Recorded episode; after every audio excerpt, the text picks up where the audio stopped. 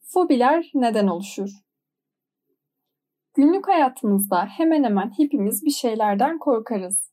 Bir hayvandan, karanlıktan, yüksekten, gök gürültüsünden ya da ölümden. Ancak bu korkular bazı durumlarda aşırı korku hissine ve kaçınma davranışına yol açabilir. Sıradan sayılabilecek korkular ile fobileri ayıran nokta da budur. Korku güvende olmak için gerekli ve normal bir duygu iken fobiler hayatımızı kısıtlar. Fobiler yoğun bir kaygı hissine hatta panik atak krizlerine yol açabilir.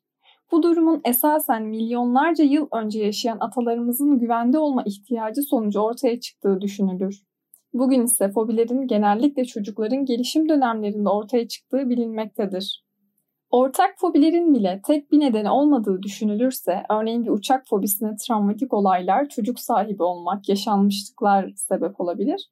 Bu konuyu iki farklı açıdan bakmak en doğrusu olacaktır. İlk olarak davranışçı kuramın kurucusu John Watson, tüm korkuların şartlandırma üzerinde oluştuğunu öne sürmüştür. Bu durumu kanıtlamak amacıyla öğrencisi olan Rosalie Reiner ile yaptıkları Küçük Albert deneyi olarak bilinen deneyi gerçekleştirmiştir. 11 aylık olan Albert yalnızca bir yatağın bulunduğu bir odaya kapatılır ve beyaz bir laboratuvar faresi odaya salınır.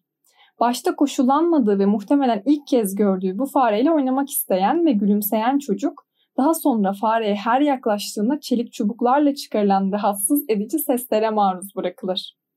Bir süre sonra Albert fareye yaklaşmaktan korkmaya ve ağlamaya başlar. Deney tavşan gibi tüylü canlılarla tekrar denendiğinde Albert'in aynı tepkiyi verdiğini gözlemleyen Watson, herhangi bir korkunun rahatsız edici bir uyaranla şartlandırılmasıyla şiddetli korku tepkisini çıkaracağını öne sürmüştür. Geleneksel davranışçı kuramda kabul gören bu görüş, herhangi bir uyarının herhangi bir sonuçla ilişkilendirilebileceği yönündeyken bu görüşe getirilen ciddi eleştiriler de vardır. Örneğin genelde acı verici olabilecek durumlara karşı olan fobilere kıyasla sosyal alanda ya da hayvanlara karşı olan fobiler çok daha yaygındır. Bununla ilgili olarak neden özellikle belirli durumlara karşı fobimizin yaygın olduğunu araştıran bir dizi çalışmada yapılmıştır. Cook ve Mineka seçici korkuların insanlarda olduğu kadar maymunlarda da var olduğunu ortaya çıkarmıştır. Deneyde yavru maymunlara yetişkin maymunların yılana gösterdikleri korku tepkisini içeren ve çiçek gördükten sonra panik atak geçirdiklerini gösteren iyi kurgulanmış birer video izletilmiştir. İlk videoyu izledikten sonra yavru maymunlarda yılan korkusu oluşmasına rağmen çiçeklere karşı herhangi bir reaksiyon göstermedikleri görülmüştür.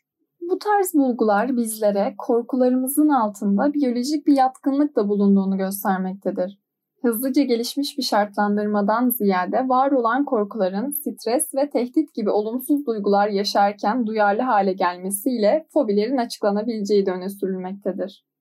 Korku çok uzun yıllardan beri hem insanlarda hem hayvanlarda bir savunma mekanizması olarak yaşanan doğal bir duygudur. Doğada yaşayan bir hayvanın doğal seleksiyona kurban gitmemek için hangi durumlarda atik olması gerektiğini evrimsel bir davranışsal süreç olarak bilir. İkinci bir bakış açısına göre korkunun biyolojik olarak işlevi bu şekilde açıklanabilmektedir. Elbette bu durum çevresel bir uyaranla karşılaştığımız takdirde bir öğrenme süreci olmadığı anlamına asla gelmemelidir. Ancak bu görüş bu öğrenme sürecinin sınırlandırıldığı ve şekillendirildiğini savunmaktadır. Dr. McIntosh, daha önce bahsettiğim küçük Albert deneyini ve yavru maymunlar üzerinde yapılan deneyleri incelediğinde de aynı sonuca ulaşmıştır.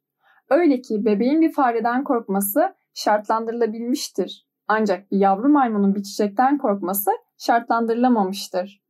Bu durum benzer yöntemlerle her uyaran karşısında şartlı bir korku koşullanmasına neden olmadığını gösterir. Kontrol altına alınabilen korkularınız ve korkusuz adımlarınız olmasını dilerim. Yazan Tuğçe Gül Korkut, seslendiren Esra Yılmaz